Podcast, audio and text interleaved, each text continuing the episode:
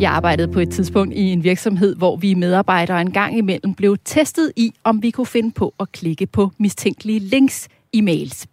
Ofte blev vi lukket med konkurrencer, hvor vi kunne vinde lækre ophold eller rejser. Og der var altid nogen, der faldt i og trykkede på linket.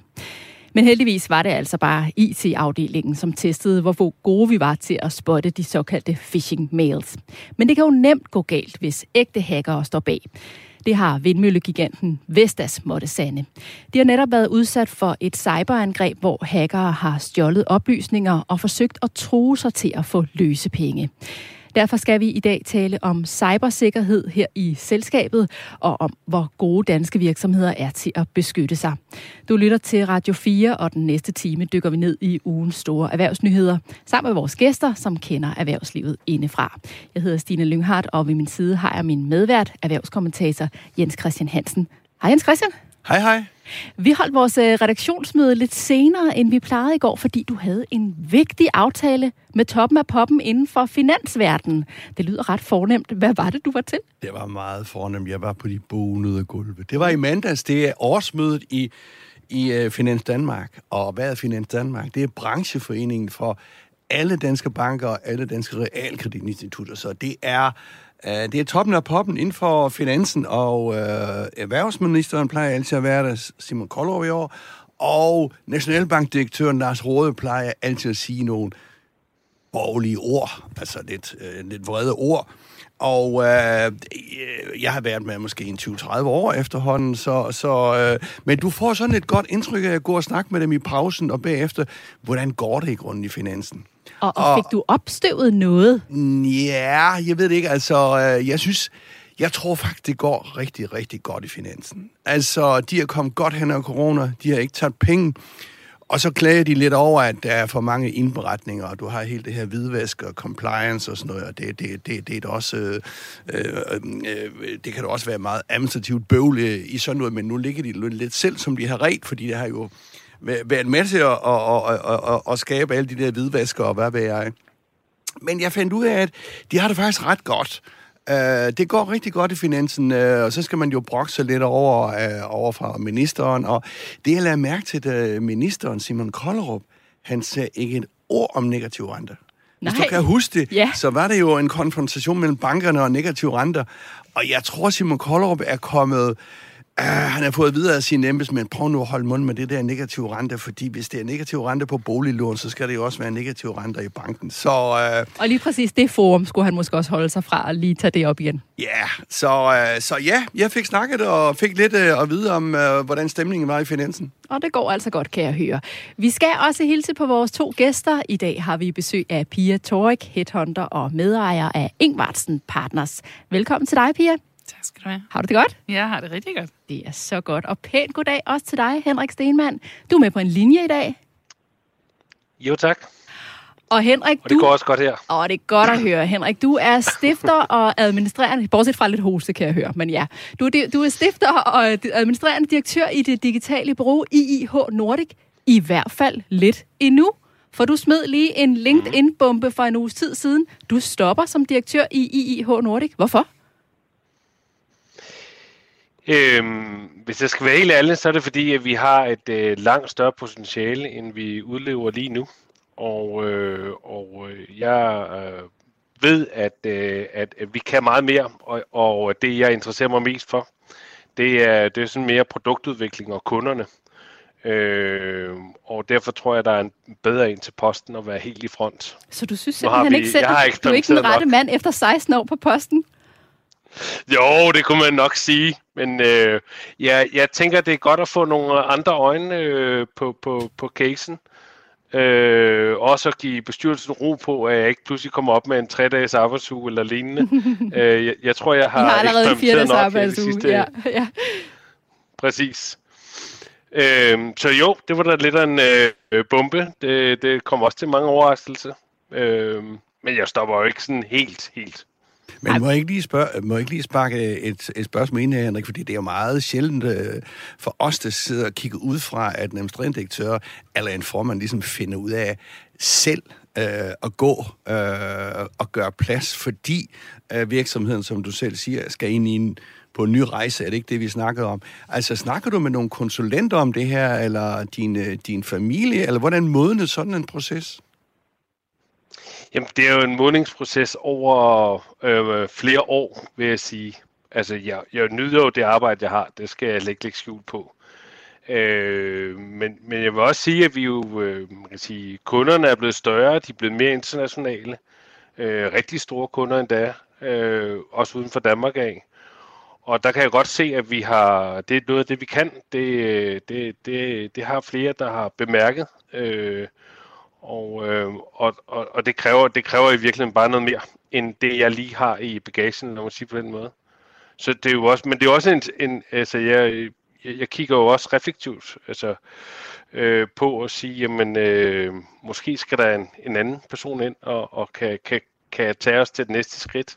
Men du, er stadig, øh, men du er stadigvæk ejer, ikke? Eller delejer? Jo, det er. Hvor stor, jo, en, hvor stor en ejerandel har du? Er det... Jamen, øh, jeg har, jeg har majoriteten, uden at jeg må sige præcis, hvad, hvad det er. Men, øh, så det er alligevel dig, der så, bestemmer? det, kan man, det, det, det kan man godt sige, men det er jo, øh, men øh, jeg vil komme til at blande mig mindre i og med, at jeg kommer til at sidde i bestyrelsen øh, og tage den derfra.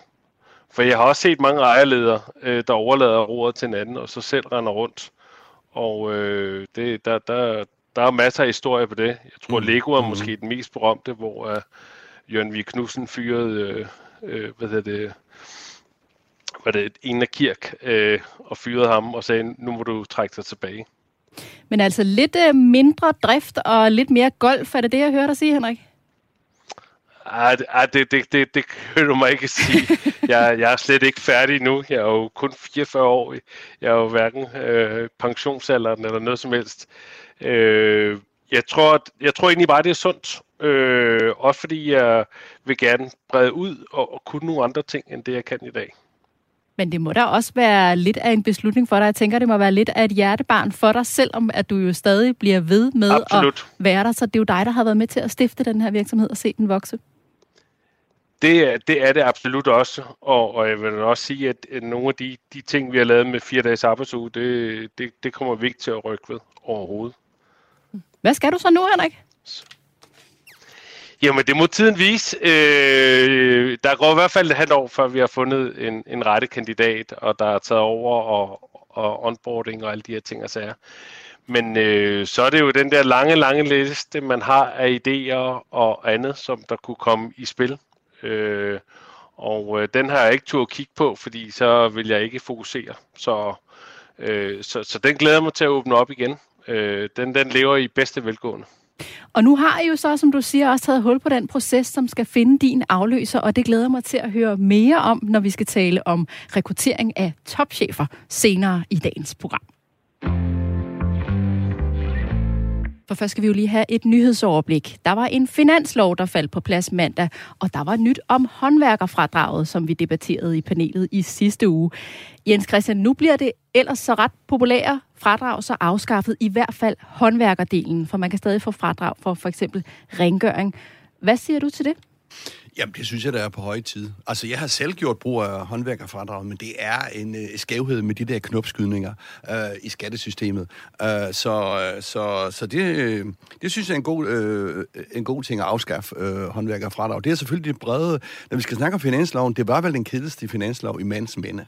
Nå, altså, ja, hvorfor? Jamen, det siger de jo selv, uh, Socialdemokraterne, at... Uh, jo, kedeligt forstået på den måde, at de justerede lidt hist og pist, og det viser sig jo, at støttepartierne, det er jo en smal finanslov, det er kun støttepartierne, der er med. Jeg tror, kristendemokraterne også er med, hvis jeg husker ret. Men ellers er det jo, hvad skal man sige, den røde fløj, og, og, og det var jo dem, der vandt kommunalvalget.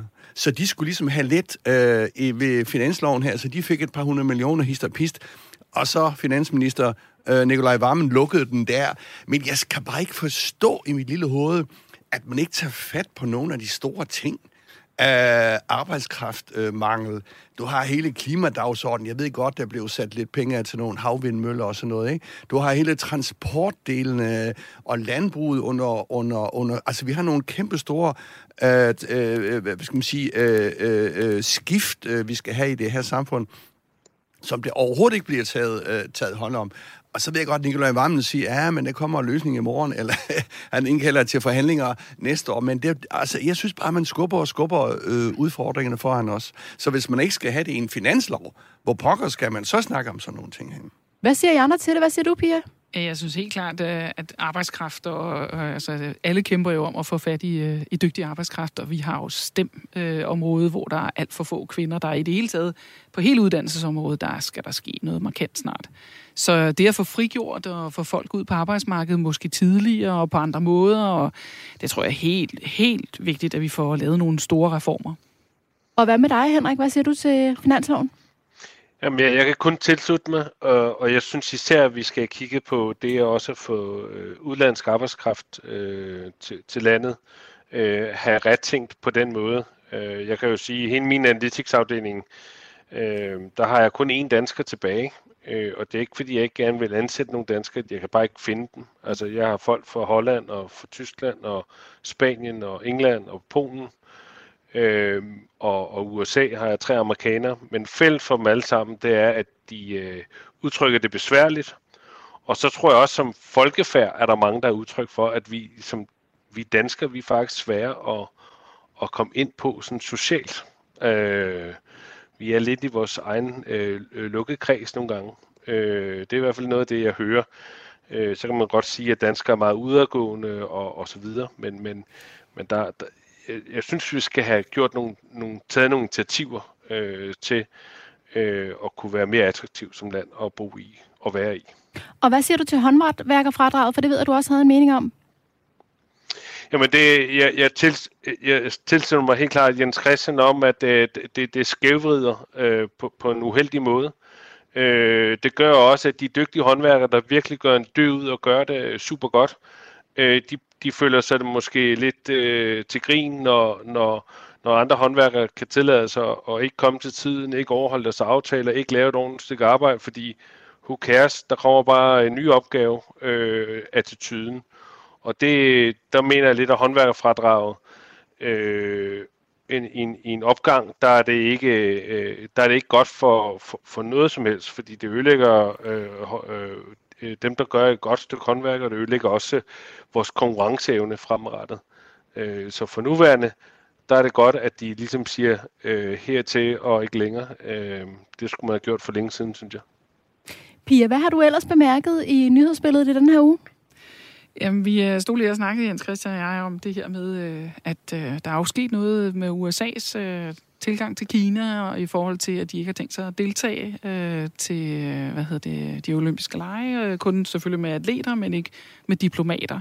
Og nu kommer vi til at snakke øh, cyber, hvad hedder det, sikkerhed i dag. Og jeg synes jo i bund og grund, at nogle af de helt store dagsordner, altså hele den frie verdens, øh, altså at vi kan få lov at, at ytre os, og, og i det hele taget have nogle menneskerettigheder, det er jo, det er jo vigtigt for os alle sammen. Og der kunne jeg jo godt ønske mig netop, at vi ikke får kommer tilbage til Trump-tiden, men, men kan se, at der er et USA, der måske nu tager et standpunkt, og alligevel så gør de det jo på en fornuftig måde, kan man sige, sådan, så det bliver ikke, altså det bliver ikke så konfrontatorisk, som der har været før, men alligevel har taget de standpunkt. Og det tror jeg, vi har behov for. Jeg tror, vi har behov for at passe lidt på, at vi ikke, øh, altså, at troldefabrikker og alt muligt andet, altså kommer myldrene på altså, underkanten ind under, altså, det er jo den debat, vi også skal have i dag. Så jeg tror, det er vigtigt, at vi, øh, vi støtter op om, at, øh, at vi selvfølgelig gerne vil dyrke sport, og vi vil gerne tage til Katar, men øh, der, er også nogle, der er også nogle konditioner, vi skal blive bedre til at stille skarpt op øh, overfor. Men det spændende er jo, mm. Pia, hvad gør Kina? altså, hvad er Kinas hævn her? Jeg er overbevist om, at Kina vil tage et eller andet. Mm. Om de trækker vores pandaer hjem fra zoologisk have, så voldsomt bliver det nok ikke. Ej, altså, det er en joke selvfølgelig, mm. men, men, men altså, der kommer jo et diplomatisk øh, øh, øh hævntogt øh, fra Kina. Men altså er jeg enig i, at vi er nødt til at markere os øh, i denne verden, hvis Men vi det vil tror noget. jeg simpelthen, hvis forbrugerne begynder at have en holdning til nearshoring, altså at vi skal købe tættere på, og vi skal forholde os til, hvordan er produkterne. Altså ligesom at vi faktisk har set forbrugere, der begynder at investere i grønne aktier, og vi begynder at stille krav til, at vores pensionsmidler bliver investeret i noget, der er hensigtsmæssigt miljømæssigt, så kunne vi jo også godt forestille os, at der i højere og højere grad bliver stillet nogle krav til arbejdsforhold og sådan noget. Ikke? Vi skal til at runde nyhedsoverblikket af, men også lige et indspark fra dig, Henrik. Hvad har du bemærket? Jamen, øh, det jeg har specielt bemærket, det er jo sådan lidt mere på det aktiemarked, og, og hvad der egentlig, hvad der, hvad der sker, rører sig i, i det område. Øh, fordi vi ser nogle meget, meget store øh, øh, stigninger og fald i, i et og samme øh, her. Og, øh, og det, man ikke kan lade være med at tænke på, det er, hvis, øh, hvis vi har stigende renter, stigende inflation, øh, øh, der begynder at, at, at komme et faldende aktiemarked, som vil være naturligt, eftersom det bare er gået op, op, op, øh, så er det store spørgsmål, hvad, hvordan, hvad, hvad den korrigation, der, hvad, hvad efterlader det egentlig øh, af almindelige mennesker. Øh, der er ingen tvivl om, at vi kommer til at se nogle, nogle større bevægelser fremadrettet. Vi runder nyhedsoverblikket af her. Tak skal I have. Du lytter til Erhvervsmagasinet Selskabet på Radio 4. Jeg hedder Stine Lynghardt og er vært sammen med erhvervskommentator Jens Christian Hansen. Og vores gæster er Pia Torik, medejer af Ingvartsen Partners, og Henrik Stenmann, direktør i IIH Nordic. Og nu skal det handle om en anden sag, som har rullet i erhvervsnyhederne de seneste par uger. Vindmøllegiganten Vestas har nemlig været udsat for et hackerangreb. Cyberkriminelle er brudt ind i Vestas IT-systemer og har låst dele af det og stjålet oplysninger. Og så har de forsøgt at kræve penge fra Vestas ved at tro dem med at offentliggøre data. Men topchef Henrik Andersen siger, at hackerne ikke har haft held med deres afpresning. Men det betyder så også, at hackerne nu rent faktisk har offentliggjort nogle af de her data. Det skulle efter sine være data, som handler om interne anlægner. Vi ved jo ikke noget om omfanget, men i og med, at historien har kørt i nogle uger, og der stadig kommer nye oplysninger frem, så virker det som om, at det ikke er noget, der bare sådan lige er klaret med et fingerknips. Er det også din opfattelse, Jens Christian? Ja, det er jo et uh, kæmpe stigende problem, de her cyberangreb, og vi ser jo kun en lille, lille bitte del af dem, det er. Altså, jeg tror, det er omkring mellem tredjedel og en fjerdedel af samtlige virksomheder på en eller anden måde været udsat for hackerangreb. Ha- hackerangreb, det er sådan en engelsk-dansk ord, ja. Uh, det, det Øh, interessante er jo her om, øh, præcist, altså det er meget komplekst i Vestas, synes jeg, fordi det er jo noget med, altså er de kommet ind, og kan de også gå videre til kunder og leverandører og andre ting, som, som, øh, som Vestas øh, handler med, eller er det kun i anførselstegn, øh, Vestas' egne øh, data, de sidder med. Øh, fordi kan de hoppe videre øh, ud i systemet, jamen så er det jo en, øh, så er det jo, altså det er jo virkelig et problem, det her. Hvad tænker I andre om den her sag? Altså er der nogen, der lykkes med at komme ind i systemerne, og altså kommer ind til nogle, øh, nogle data, som man jo altså ikke lige skal have fingrene i? Hvad tænker du, Henrik? Altså, jeg, jeg tror, vi desværre kun har set toppen af isbjerget. Øh, og jeg tror, at rigtig mange virksomheder, de reagerer først i det, de bliver ramt i virkeligheden. Øh, det er måske lidt sat på spidsen, øh, men vi har set virksomheder som Mærsk, øh, Coop og Bauhaus og andre øh, klinodier, der er blevet, blevet ramt øh, big time. Øh, og jeg tror desværre, at vi, vi har kun set toppen af isbjerget. Øh, rigtig mange virksomheder er i bund og grund ikke klar over øh, deres egen sikkerhedsrisiko, og det er ikke blevet nemmere af, at folk har arbejdet hjemmefra, og der pludselig er blevet lempeligere regler øh, på, på det her, og egentlig gjort det nemmere for hacker. Øh, så jeg tror også, altså nu er jeg jo så også, øh, hvis man går ind og kigger på, hvad folk søger på af hackerangreb og cyberrisk osv., så, så er der også en, kun en, en stigende tendens. Bemærkelsesværdigt er det, at i juli måned sidste år, eller her i år, det var faktisk der, der var flest søgninger. Og jeg ved så ikke, om det var Coop, eller om det var den her hotelkæde, der, der blev ramt, hvor de ikke kunne, øh, kunne simpelthen ikke, øh, folk kunne ikke betale, og man vidste ikke, hvad, øh, øh, øh, hvilke gæster, der var inde og ude. Mm-hmm. Men bør e- en stor virksomhed som Vestas, bør de ikke have styr på deres cybersikkerhed? Eller, eller er det her værn ikke stærkere, end at man jo kan sende en mail til en medarbejder, som man jo så risikerer, at man klikker på et link, man ikke skal klikke på? Jamen, der er jo ingen tvivl om, at øh, øh over en bred kamp, så har alle virksomheder opgraderet på deres cybersikkerhed. Det, der er det store spørgsmål for rigtig mange virksomheder, det er, hvor meget har man tur at ligge i skyen, som det hedder. Altså, hvor meget har man øh, fjernet fra almindelige server og lagt det i skyen. Og det, øh, det, det er en større proces som så. Jeg ved, at Carlsberg for eksempel, de har lagt alt deres i skyen. Det har taget en krig at gøre.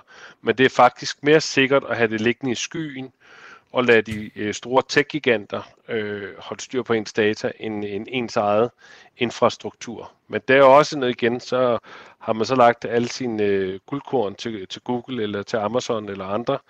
Øh, men men der, der tror jeg bestemt, at der er, der er den næsten mere sikkert, eller det er mere sikkert, det er jeg slet ikke i tvivl om. Gør danske virksomheder nok for at holde styr på sikkerheden, Pia? Ja, altså for eksempel så kan vi jo se, at vi laver bestyrelsesevalueringer, og der, øh, er, der laver vi jo kompetencevurderinger, og de vurderer sig selv også, de her bestyrelsesmedlemmer. Og der stiller vi jo spørgsmål til, om de mener, at de har cybersikkerhedskompetencer nok i bestyrelsen. Og, øh, og det er jo gennem flere år, at de har stillet øh, sig selv det spørgsmål i rigtig mange af de store virksomheder, hvor det er, vi laver bestyrelsesevalueringer.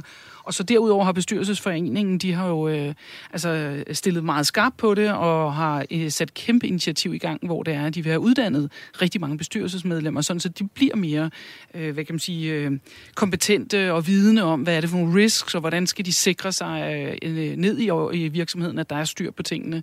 Så jeg synes, at, øh, at vi skal, for det første skal vi gøre rigtig meget, og igen tilbage til, at det er jo, øh, det er jo den frie verdens, øh, kan man sige, øh, orden, verdensorden, der er på spil, fordi vi ja, hele vores tillidssystem som det danske, det bliver jo sat under pres, når det er, at, at vi lige pludselig ikke kan have tillid til at, at håndtere ting med hinanden. Ja. Interessant.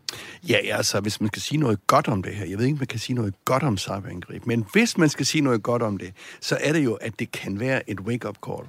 Et altså, meget dyrt wake-up call, ja, ja, ja, ja, ja, men altså det, som Pia er lidt inde på, Henrik er lidt inde på, altså det koster noget. Hvis jeg er en øh, direktør for en virksomhed og siger, okay, vi skal investere der og der, så vi kan få højere omsætning osv., osv., så vil jeg nok sige ja. Og hvis så kommer IT-chefen og siger, vi skal lige bruge øh, et par hundrede millioner på IT-sikkerheden her, så vil jeg sige, ah, kan vi ikke vente øh, med det til næste år, eller, eller noget i den stil. Det har i hvert fald været, det, har været, det ved jeg helt konkret, der har været et issue øh, øh, nogle steder, og jeg så også en af verdens fremmeste øh, inden for det her, en, det er en russer i øvrigt, han hedder Oisin Kasparsky.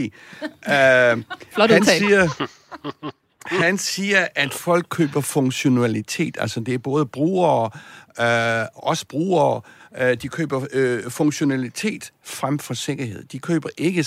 Sikkerhed er et, et sekundært produkt mange steder, og også ved mange virksomheder. Det er derfor, jeg siger, at øh, et behersket, hvis det findes sådan noget øh, cyberangreb, kan måske være et øh, wake-up call for, for ledelsen i en virksomhed. Tror du, Henrik, at det bliver det? Altså, vil der være nogen nu, som har travlt med at holde nogle øh, IT-sikkerhedsmøder rundt omkring i virksomhederne, efter vi ser et angreb som det her? Jamen det, det er der ingen, det er der slet ingen tvivl om, at det er der, og der bliver spurgt ind til, øh, hvor godt er vi sikret. Øh, men man må aldrig sikre mere end det svageste led. Mm. Øh, så det er jo også noget med, øh, hvad har man egentlig af viden om, hvor nemt det er at, at komme ind til ens øh, oplysninger. Øh, det er jo også det, der man kan stille sig det store spørgsmål. For jeg er med på, at man kan lave en bestyrelsesevaluering. Mm. Øh, om man har taget hånd om sikkerheden. Men der er jo virkelig mange, øh, der er virkelig mange forskellige artede øh, øh, skalaer, som, som IT-chefer mm. øh, bruger. Ja, nu har vi sikret alt, mm. øh, men, men er det så, hvad er det for en skala, vi rent faktisk bruger? Altså, jeg tror, det var 200 mand, der blev fløjet ind for Deloitte til Mærsk, da de var nede i, ja, i nærmest flere uger øh, på, på, på det her. Så, så det havde nok været billigere at forebygge, men det er meget nemt at være bagklog. Mm. En kort kommentar, Jens Christian? Ja, altså, øh, jeg så her, at Cyber for, for, eller Center for Cybersikkerhed, som jo er vokset eksplosivt her fra 25 til 250 mand, de har rekrutteret øh, unge uden uddannelse, altså helt unge, og så selv uddanne dem til at ikke at blive hackere, men måske tænke i de baner der. Det synes jeg, der er øh, måske øh, spændende, og det kunne, det kunne rigtige virksomheder måske også øh, lære lidt af. Jeg kunne godt tænke mig lige at høre kort til sidst, hvor, hvor, hvor lange spor tror du det her, det trækker efter Vestas? For nu har vi også set aktien falde, for eksempel, på baggrund af det her. Mm, ja, men altså, øh, Henrik er jo lidt inde på det, altså, man bliver jo aldrig færdig med det her, fordi hvis du lukker et hul, i dag, jamen så starter det et nyt i, i morgen et eller andet sted. Så det er jo en ongoing proces, det her. Vi runder dagens første emne af her. Vestas oplyser, at de fleste af deres IT-systemer med få undtagelser er op at køre igen, og at de samarbejder med eksterne eksperter om at få styr på deres sikkerhed og systemer.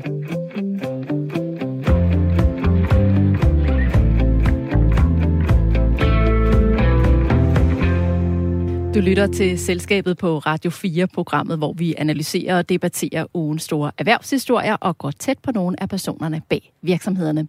Jeg hedder Stine Lynghardt og er vært sammen med erhvervskommentator Jens Christian Hansen. Og i studiet har vi i dag besøg af Pia Torik, headhunter og medejer af Ingvartsen Partners. Og med på en linje er Henrik Stenmann, stifter og administrerende direktør i det digitale bureau IIH Nordic. Vi skal have en quiz. Er I klar på den? Øh, jeg tror, du har glemt den i dag, Nej, fordi nej. altså, min score er altså ikke så god. Men ved du hvad? Lige præcis til dig, Jens Christian, har i dag lavet valg- valgmuligheder i quizzen. Tak. Så kan det være, det bliver lidt nemmere. Nå, men lad mig starte med at prøve at høre, Jens Christian, hvornår var du sidst på det der store World Wide Web? det er jeg på hele tiden. Øh, For fem minutter siden? Ja. Ja, hvad med dig, Pia? Same. Ja, og hvad med dig, Henrik? Du er jo faktisk på Også her. The World Wide Web lige nu. Og det er jo fordi, at det er overhovedet ikke noget, vi tænker over mere i et land som Danmark. For vi er jo på nettet hele tiden. Hvad end vi er i toget, på arbejdet eller sidder hjemme i sofaen. Men der er jo stadig steder i verden, hvor internettet overhovedet ikke er lige så udbredt. Det er nok ikke så overraskende, at langt de fleste af dem, der ikke har adgang til nettet, de bor i udviklingslande, konkluderer en ny FN-rapport, som både TV2 og Berlingske omtaler. Spørgsmålet, som I skal svare på, det er, hvor stor en del af verdens befolkning har aldrig været på internettet? I får her tre valgmuligheder. Er det 17 procent, 27 procent eller 37 procent af verdens befolkning, som aldrig har været online? Lad mig få et bud fra jer alle tre. Jens Christian? Jeg var i Laos, et af verdens fattigste lande for nogle år siden. De var altså også på World Wide Web på deres mobiltelefon op på øh, i nogle øh, mystiske landsbyer. Altså, jeg, øh, jamen, jeg siger 17 procent. Altså, jeg tager, det, jeg tager det laveste. Ja, hvad siger du, Pia? For spændingens skyld, så tager jeg den midterste på 27. Ja, hvad siger du så, Henrik? Jamen, jeg bliver nødt til at sige 17 procent også. Prøv at høre, der er ikke nogen vinder i den her uge. Der var nogen af jer, der manglede at tage de 37 procent. For det er faktisk, jamen, altså jeg har læst det i flere artikler. Det er 37 procent, der er det korrekte svar, altså mere end en tredjedel af verdens befolkning.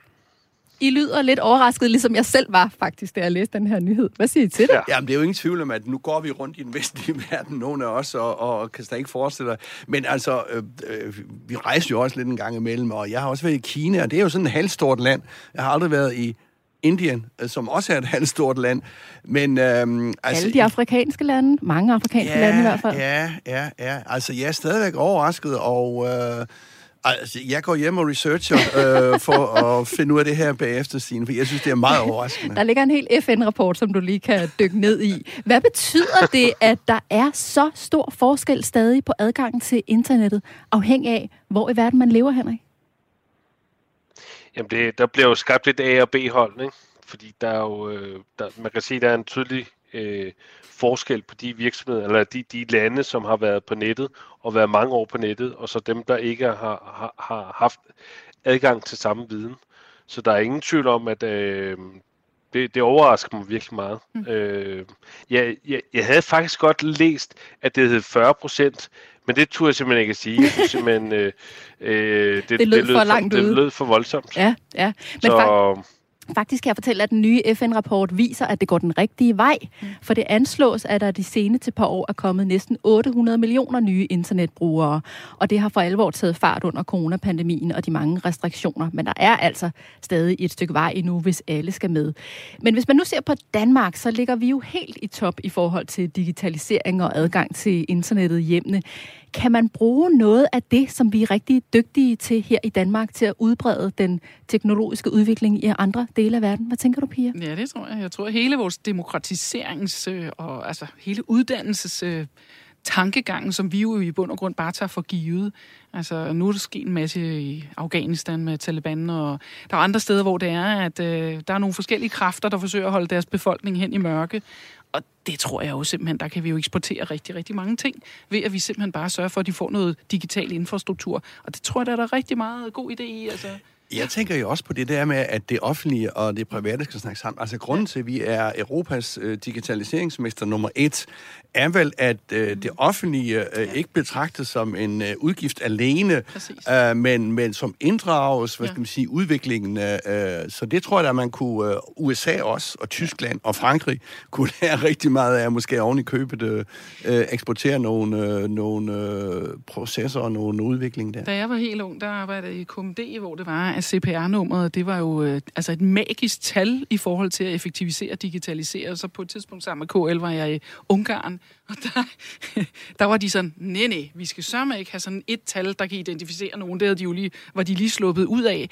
Men, men der er jo en rigtig mange nationer, der kan, der kan simpelthen hoppe flere, kan man sige, generationer øh, digitaliseringsmæssigt over, ved at tage nogle af de læringer, vi andre måtte, øh, har måttet tage med os. Ikke? Altså, vi kan jo se, der er sådan nogle højt udviklede lande som Tyskland, som for eksempel ikke når den digitaliseringsgrad, som vi andre har, fordi de netop har nogle indbyggede faldgrupper, som vi jo ligesom har, har været heldige på, ikke? fordi vi har haft det der meget tætte samarbejde. Altså jeg var jo øh, i sin tid også øh, altså i skat, og de har jo lavet nogle fantastiske kvantespring, og der har vi jo ikke været så for, altså vi har ikke været så bekymrede for at lave det der samarbejde mellem offentlig og privat. Som, øh, nu er som, måske skat lige et dårligt. Jamen det var engang, engang var skat jo en god historie. Jeg er enig, der var engang, de var gode. ja. Det var denne uges quiz. Desværre ikke med nogen vinder, men bedre held næste gang.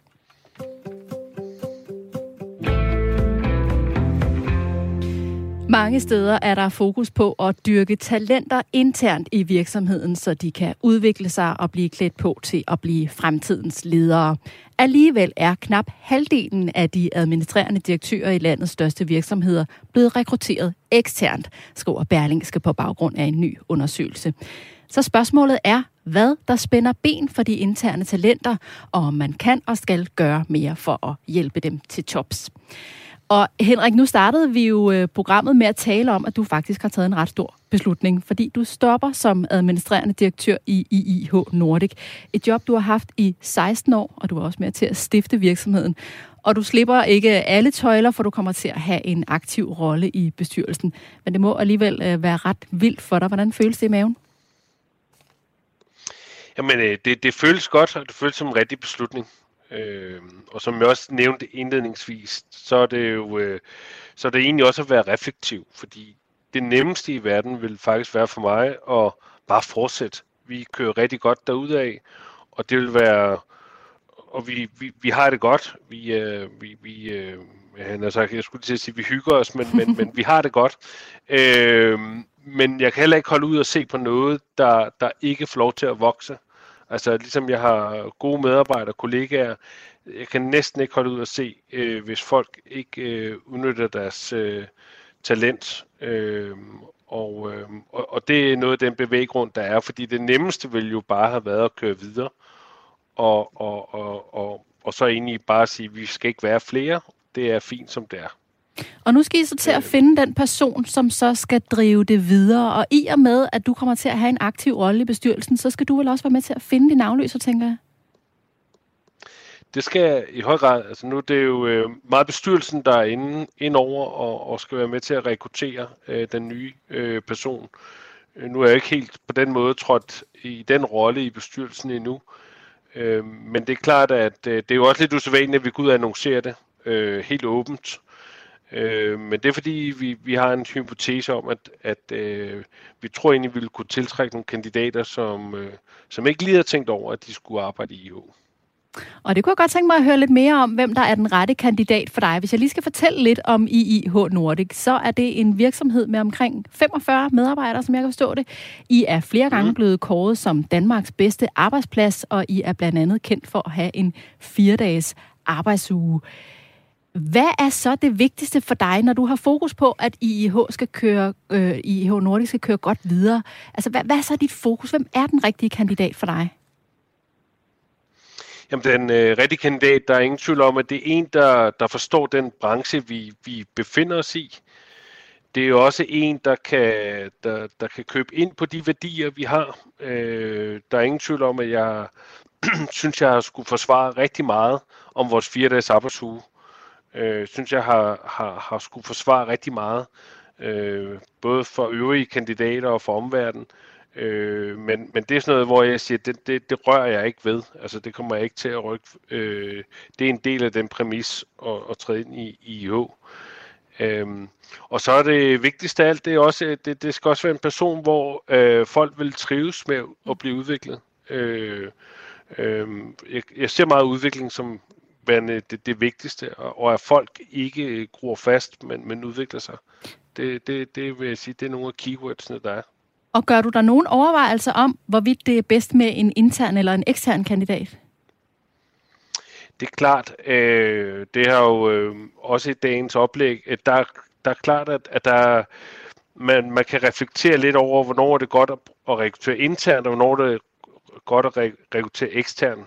Jeg tror, når man skal op på en højere klinge, øh, og man skal også øh, måske gøre, lægge an til et, et, noget, øh, noget af et kulturskifte også, så tror jeg, at det kan være godt at have nogen udefra, øh, for, øh, øh, for ligesom at kigge med andre øjne, øh, uden at være, være for meget bias øh, i, i den kultur, der er. Øh, så, så det har været et naturligt valg øh, at kigge, have nogen udefra, fordi vi er en anderledes virksomhed, det er der ingen tvivl om. Æ, Henrik, jeg kan godt sige, tænk mig at, at spørge, inden jeg søger. Jeg står her ved at lave min, øh, min ansøgning. Nej, æ, skal CEO'en, altså fordi det er jo meget om kultur, du snakker om her, øh, hvis jeg forstår dig ret. Skal den nye CEO, skal han være medejer, eller skal hun være medejer? Jamen det, det har vi lagt op til, at det er der, det er der mulighed for, øh, for, for den rette kandidat, øh, for også at ligesom og, og, og, og, og håndtere det på en anden måde. Øh, man kan næsten betegne os som, i og med at vi er en ejerlede, vi, vi er næsten kalde familiedrevet virksomhed, hvis man skulle være øh, så bramfri. Øh, så det er en, en, en ny kommer ind og, og, og kan føle ejerskab og ikke bare en ansættelse. Det har været, det har været vigtigt for os øh, at, at, at være åben omkring det også. Og du peger altså umiddelbart på, øh, altså kigger lidt uden for, for virksomheden, umiddelbart på en, en ekstern øh, kandidat, uden man selvfølgelig vil udelukke noget som helst på forhånd, tænker jeg. Det er i hvert fald det, der er blevet lagt op til mm. øh, i forhold til den case, der er. Øh, jeg tror, det er meget øh, med, med, med andre virksomheder. Det handler meget om, hvilken situation de er i. Øh, og når der skal ske noget andet, om, om der så nogle gange kan være fordele ved at have nogen udefra. Berlingske har så lavet historien om, at knap halvdelen af de administrerende direktører bliver rekrutteret eksternt. Hvad tænker du om det, Jens Christian? Ja, altså, nu håber vi kan få tid til at dykke ned i det her, fordi Pia og mig, vi sad også lige inden vi kom ind i studiet og snakkede om det, og vi øh, fandt en hel masse, øh, hvor det var godt at tage en ekstern, og en hel masse, hvor det var godt at tage en intern, øh, og øh, nogen er lykkes, og nogen er ikke lykkes. Så, så, så, så altså, jeg tror ikke, der er nogen, øh, altså, jeg tror ikke, der er nogen ens, hvad skal man sige, der er ikke nogen, der er ikke noget, der er rigtigt eller forkert i det her. Øh, det vigtige er vel, og det kan Pia fortælle meget mere om, fordi hun undersøger sådan nogle ting, det er, at man undersøger præcis også det, som Henrik har. Hvad er det for en, hvis det er en direktør, vi har brug for? Uh, er det en, der skal op på ølkassen og være udadvendt kommunikerende, eller er det en anden en, der skal sørge for de interne og, og, og kultur, eller uh, skal vi uh, gå, gå til udlandet, og hvad er det, vi har brug for? Er det, uh, uh, altså, hvad er det for en type, som man er meget klar over, hvad det er, man har brug for? Hvad tænker du her, Pia? Er det et problem, at det er halvdelen, der, ekskru- der rekrutteres eksternt? Altså, jeg synes jo ikke, det er et problem, og det vil jeg også være måske underligt, hvis jeg sagde det. Øh, jeg synes jo, det er en rigtig Fordi god du idé. ligesom sidder med jeg det, sidder det er ligesom det, du refererer til. den, den ikke? der halve, halve, eller de 50 procent. Jamen, jeg har det jo lidt ligesom Henrik og, og Jens Christian også siger, at øh, der er jo mange grunde til, hvorfor det er, at det er en rigtig god idé at gå ud. Øh, det kan være kulturen, som Henrik øh, siger. Vi er nødt til øh, altså at, at have en, som fastholder noget kultur, men samtidig også ser, øh, kan man sige, med friske øjne på nogle ting. Det kan være en ejerleder, der i bund og grund får sin, øh, sit drive et andet sted fra, og, og øh, altså, vi har lige øh, haft to sager her i det her år, hvor den ene, han har fundet sin egen begrænsning, kan man sige, ved at øh, han synes simpelthen alt det der ja, administration, han sad til sidst og arbejdede med. Det var overhovedet det, der gav ham energi. Og så ville han meget hellere være den kreative direktør. Og det at finde en, øh, altså en administrerende direktør, der kunne tage sig alt det, han synes, der var kedeligt, så at sige. Øh, det var jo helt oplagt, lige så vel som vi havde en anden sag, hvor det var, at jamen, han måtte bare erkende, at han havde selv sat holdet, og øh, han vidste jo godt, der var nogen på holdet, der ikke rigtig helt kunne det, de skulle kunne nu. Men han, han magtede ligesom ikke rigtig at gå ind og tage endnu en runde. Han havde også været der i mange år. Så øh, jeg tror, det der med, at har man siddet rigtig mange år og vokset op i en organisation, så kan man også risikere at få for mange, øh, kan man sige, blinde vinkler. Man kan også risikere at have for meget historik. Øh, så der kan det være smart, at der kommer en udefra og har prøvet noget, som vi nu andre skal på. Og så kan der jo være en kapitalfond, der kommer ind og siger, nu skal ting op i en anden hastighed. Og der kan det måske være svært også at få øh, den, den eksisterende ledergruppe eller den kultur. Der skal nogen ind og, og få sat et nyt hold. Øh, så det gør vi jo meget ofte også. Mm. Hvis du lige har tændt for vores program, så kan jeg fortælle, at du lytter til Erhvervsmagasinet Selskabet på Radio 4. Jeg hedder Stine Lynghardt og er vært sammen med erhvervskommentator Jens Christian Hansen. Og vores gæster er Pia Torik fra Ingvartsen Partners og Henrik Stemann fra IIH Nordic. Og vi er fuld gang med at tale om rekruttering af topchefer. Jeg kunne godt tænke mig at tage jer med et smut ud på gaden i København og høre, hvad nogle af dem, vi mødte, egentlig synes, at en god administrerende direktør skal kunne. Prøv lige at lytte med her. Hvilke egenskaber synes øh, du, at man skal have for at, at være en god administrerende direktør? Jeg synes, man skal være lyttende, og øh, så skal man kunne formidle budskabet ud til resten af forretningen. Og så skal man være empatisk, sådan så man kan sætte sig ind i, hvad det vil sige at være medarbejder i den virksomhed, man arbejder øh, i. Det kræver også, at man er super strategisk, synes jeg, på vegne af virksomheden, og selvfølgelig både for fremtiden for virksomheden, men også i forhold til, hvordan øh, medarbejderne øh, har det i virksomheden. Øh, rummelighed og øh, medmenneskelighed, men og strategisk øh, overblik. Når man skal, når man skal ansætte en ny øh, direktør, hvilke fordele er der så ved at ansætte en, som kommer internt for virksomheden, og hvilke fordele er der, hvis det bliver en, der bliver hentet udenfra, altså eksternt? Ja, altså det, internt så er der selvfølgelig noget kendskab og noget øh, forståelse for virksomheden og den, det sted, virksomheden er. Men eksternt kan komme med nogle nye øjne, og så se på virksomheden på en helt anden måde, og komme med noget ny energi. Internt kunne være, at øh, man var akklimatiseret til virksomhedens kultur. Eksternt kunne være, at man fik noget nyt blod og nogle nye idéer ind. Jeg synes, der er en fordel ved at hente folk internt, i og med, at de kender kulturen i virksomheden, og, øh, og forstår, hvad det vil sige at være øh, medarbejder i den virksomhed. Øh, der kan selvfølgelig også være en masse bias forbundet med at være intern øh, sourced, så der, jeg synes også, der er en masse fordel ved at hente udad til, øh, eller udefra hedder det. Fordi hvis du henter folk udefra, så kan du måske få et frisk pust ind og få et nyt syn på, hvordan man ellers gør tingene, og kan måske løse nogle hårdknuder, som har været svære at løse, fordi man har været for biased ved at sidde internt. Hvad tænker I om det, der bliver sagt her i klippet? Er I enige, Henrik? Jamen, jeg, jeg er meget enig. Øh, især også på... Øh, jeg tænker i høj grad, det er, hvor er virksomheden?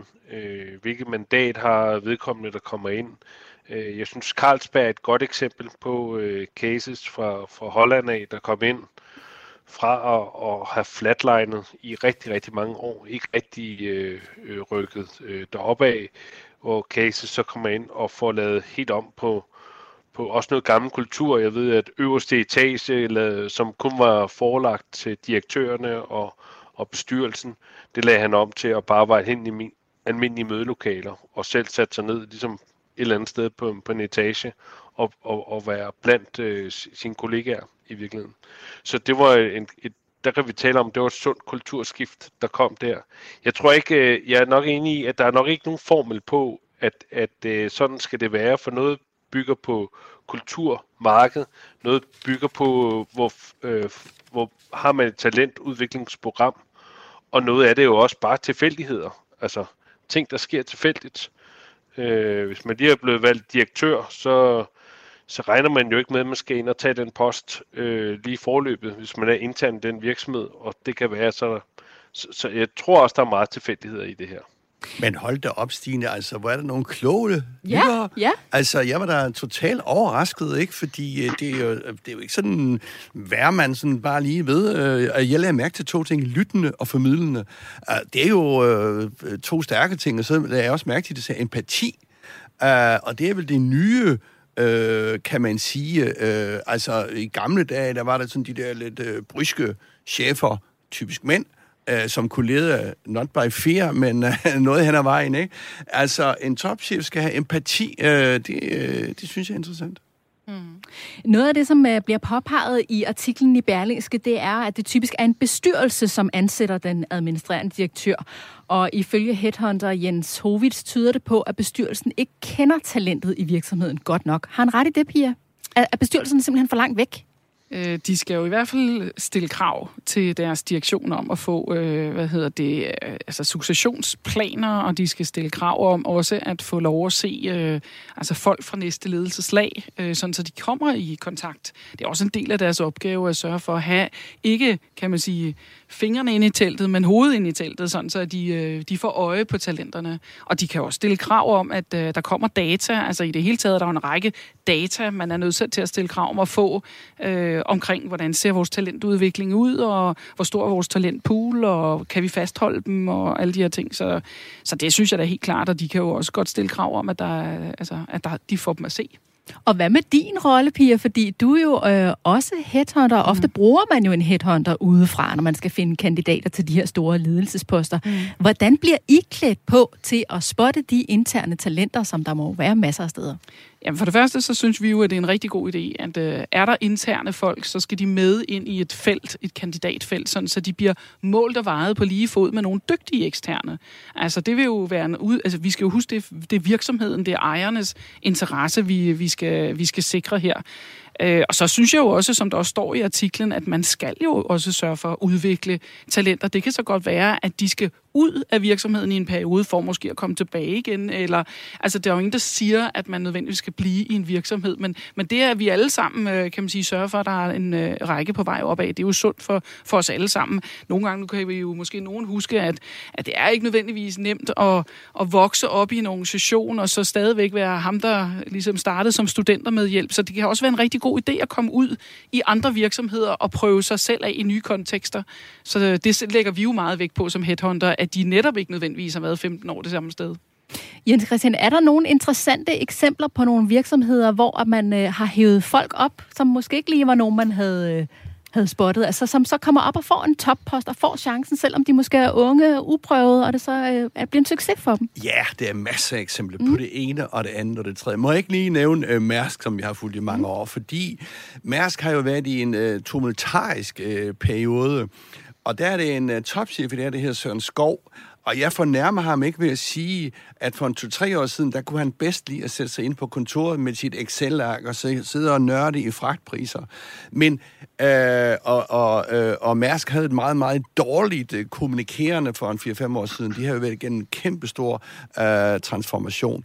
Men pludselig har han vokset sig op til også at blive kommunikerende, og han står jo som en stjerne på himlen nu, og det går rigtig godt for Mærsk. Øh, det har så også noget at gøre med fragtpriser, så det er også noget udefrakommende øh, ting. Men det er sådan et eksempel på, at han startede som, jeg tror han startede som øh, 20-årig trainee, eller hvad det nu har været for en 30-40 år siden. Ikke? Så det er sådan et godt eksempel på, at øh, en indenfra, øh, men, men, men det kan jo også være udefra. Altså Danfoss og Lego er jo gode eksempler på, at Jørgen Mads Clausen, øh, arvingen nede på, han er jo ikke sige, at han har kørt Danfoss i sænkdag i 2006-7 stykker, men det var lige før. Der fik de så en mand udefra, Nils B. Christiansen, som totalt lagde den virksomhed om, øh, og, og fik den frem som en succes. Og øh, da de så, han skulle skiftes igen, så tog de en indenfra, øh, Kim Fausing, øh, som så øh, ser ud til at gøre det godt. Øh, så der er masser af eksempler på det ene og det andet og det tredje. Man, man kunne jo også godt sige, at øh, sådan noget som at få snabe med øh, ombord, det gør rigtig meget at få en bestyrelsesformand, der, der kan være med til at udfordre. Jeg tænker også, at, at Henrik har, har så siddende, at det er måske absolut en af de absolut dygtige bestyrelsesformænd i Danmark, som også tør nytænke. Det tror jeg da også har været en rigtig god hjælp, tænker jeg, Henrik. Hvad tænker du, Henrik? Jamen, det har det bestemt, og, og, og det er jo netop også det der med, jeg, jeg er øvrigt meget enig med, øh, med Jens Christian på, på, at der er jo masser af eksempler på, at, at, at øh, øh, forskellige direktører øh, enten er blevet rekrutteret indenfra eller udefra. Jeg tror ikke, man, jeg tror ikke, man kan sætte et lidestegn, men jeg tror, man kan, man, man kan, man kan tage sådan en som Niels B. også, som nu er kommet til Lego, og der må man jo også bare sige, at det går super godt for Lego. Og jeg tror, der er nogle af de der, især nogle af, ligesom øh, Jim Snape for eksempel også, du ved, jamen hvis man ligesom har en formel på succes, så har de det, det med at, at, at ligesom hoppe rundt. Øh, Henrik Poulsen også et mm. godt eksempel. Øh, de steder, hvor han har været inde, øh, der har han ligesom lavet et stykke arbejde og, og været en succes i det, han har lavet. Ja, altså, øh, du, skal, du spurgte vel også om øh, nogle steder, du var gået rigtig dårligt. Ikke? det og det findes, jo, det findes ja. sandelig også. Ja. Altså B og O, vores store ikoniske virksomhed, de har jo haft jeg vil ikke sige hav og chef, men de har jo kikset noget hen ad vejen. Nu ser det ud til det, at kom lidt mere ro om det. Danske Bank er hyret, øh, smuttet til Holland og hyret en hollander, som øh, passede, overhovedet ikke passede i den danske bank. Det var også ret dårligt.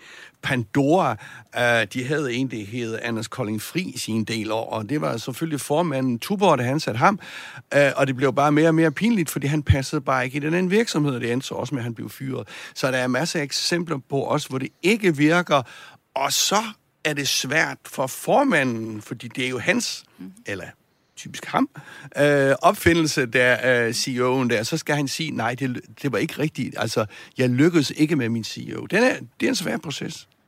Lad os runde emnet af her. Vi holder selvfølgelig skarpt øje med, hvem der bliver afløseren på din post i IIH Nordic. Henrik, vi skal til at runde af, og jeg vil gerne sige tak til vores gæster i dag. Tak til Pia Torik, headhunter og medejer af Ingvartsen Partners, og Henrik Stenmann, stifter og administrerende direktør i det digitale bureau IIH Nordic. Og tak til dig, Jens Christian. Vi ses igen på næste onsdag. Programmet her var produceret af Beam Audio Agency for Radio 4. Tak fordi du lyttede med.